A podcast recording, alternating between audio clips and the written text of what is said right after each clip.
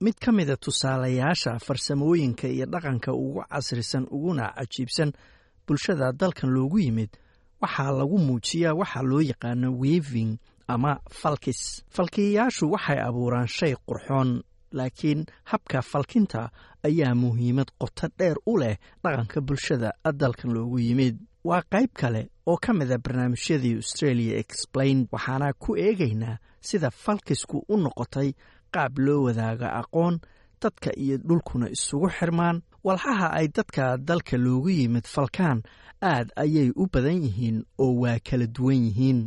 Shay walbana muhiimad gaara ayuu leeyahay wuxuuna qofka falkiyaha u yahay xarig isku xira isaga dalkiisa iyo awowayaashiis nidaamka falkiska ayaa ku bilowday in marka hore la soo aruuriyo alaabta loo baahan yahay sida cawska qolofta geedaha iyo dhir kale.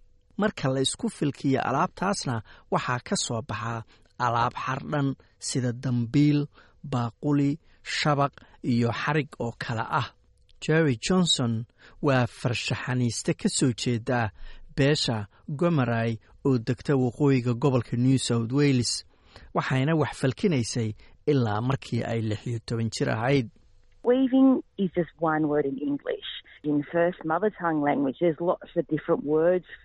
wiiving ama falkis waa hal eray ingiliish ahaan afkayaga hooyase ereyo kala duwan ayaa loo yaqaanaa.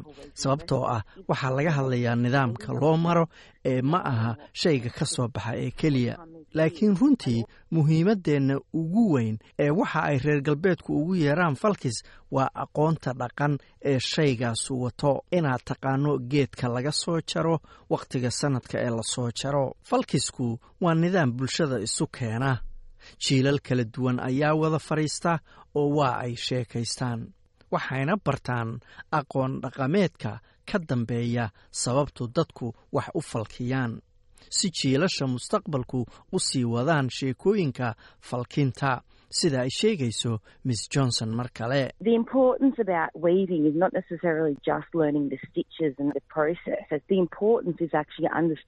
Muhiimadda falkintu ma aha inaad barato uun sida wax loo tolo. Ee muhiimaddu waa inaad barato alaabta aad u isticmaalaysa falkinta. Maxay alaabtaas muhiim u yihiin iyo sida saxda ee loo isticmaalo? Falkintu macnayaal kala duwan ayay dadka dalka loogu yimid u leedahay luke russell waxa uu ka soo jeedaa beesha werami oo deggan newcastle ee gobolka new south wales. Waxaa dhaqankiisa ka mid ah in la baro lana sii gudbiyo aqoontii qalab samaynta ee awowayaashiis iyadoo la dhisayo huuri dhaqameed ama waxa kaanuuga loo yaqaano oo alwaax ka samaysan waranka kalluumaysiga iyo qalab kale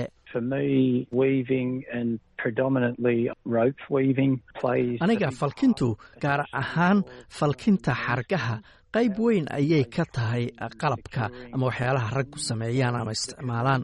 falkinteennu door weyn ayay ka qaadataa tusaale ahaan samaynta huuriga oo ah doon yar iyo samaynta waranka kalluumaysiga ayuu yidhi inkasta oo aragti ka duwan la aaminsan yahay ragga ayaa sidoo kale falkinta ka qayb qaata. Sida uu sheegay master russell wiilasha ayaa caadiyan gabdhaha la barin jiray falkinta markay ay carruurta ahaayeen. Wayna sii wadaan hawshaasi dhallinyaronimadooda iyagoo talooyin ka helaya ayeeyooyinka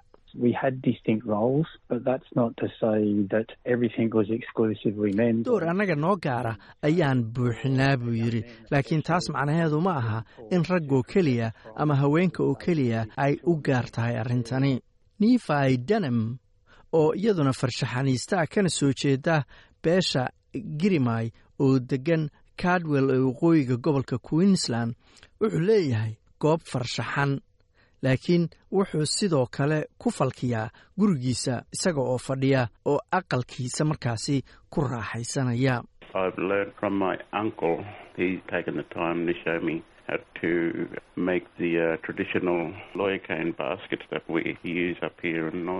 Adeerkay ayaan ka bartay wakhti ayuu geliyey inuu i baro sida loo sameeyo dambiil aanu ku isticmaalno waqooyiga gobolka queensland. Falkintu waxay u dhigantaa maskax dejin oo kale oo waa qaab qofku uu ku fakero oo maskaxda ku dejiyo isagoo hawshaasi wada. Waxyaalaha dhirta ah sida cawska iyo geeduhu way ku kala duwan yihiin dalka. Sidaas daraaddeed falkisku waa uu kala duwanaanayaa laakiin falkiyayaasha ayaa sidoo kale qaab u gaara iyaguna ku darsada oo hadba waxa ay ku xiran tahay qofka samaynaya shayga. Sida qofka u falkiyo shayga waxay ka turjumaysaa xirfadda iyo sifada qofka.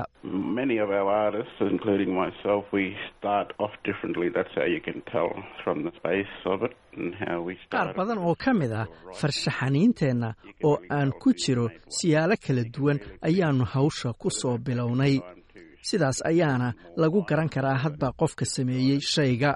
Kasi litham waa farshaxaniiste falkisa waxayna ka soo jeedaa beesha tungurung ee qowmiyadda kulin ee gobolka victoria. Waxay qabataa aqoon isweydaarsiyo ay dadka aan indigeneska ahayn ku dhiirageliso inay dhegaystaan oo ay wax ka bartaan us as First Nations weavers come from, everyday uses from our ancestors. But in dadka aan indigeneska ahayn ay ka qayb qaataan.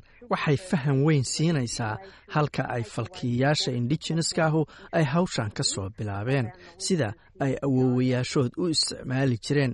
Laakiin waxaa muhiima in aqoon isweydaarsigaas ay dad indigenes ahu maamulaan oo ay hagaan in brotokoolka la ixtiraamo ayaa lagama maarmaana inkasta oo aan si xor ah u wadaagno aqoonteenna waxaa lagama maarmaana inaannu si shakhsiyana aan looga faa'iidaysan arrintan. Aqoon isweydaarsiyada inta badan waxaa lagu xayeysiiyaa golodeegaanada xaafadaada. Waxaad baari kartaa falkinta dadka dalka loogu yimid. Xafladaha falkintuna qof walba ayay u furan yihiin sida ay mar kale sheegayso kasi litham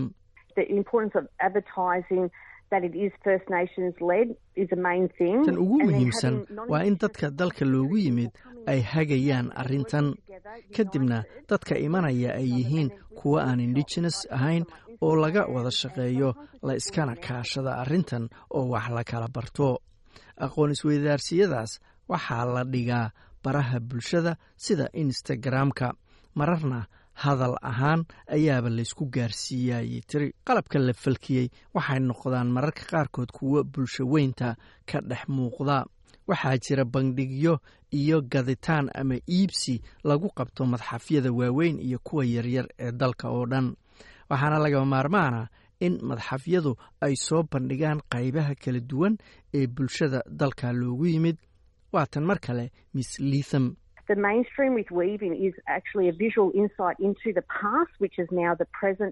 falkisku runtii waa muuqaal dib loogu eegaya taariikhdii la soo dhaafay oo ah mid hadda la joogo. dhammaanteen falkiyayaashuna waan u sii wadaynaa ayay tiri jiilasha soo socda.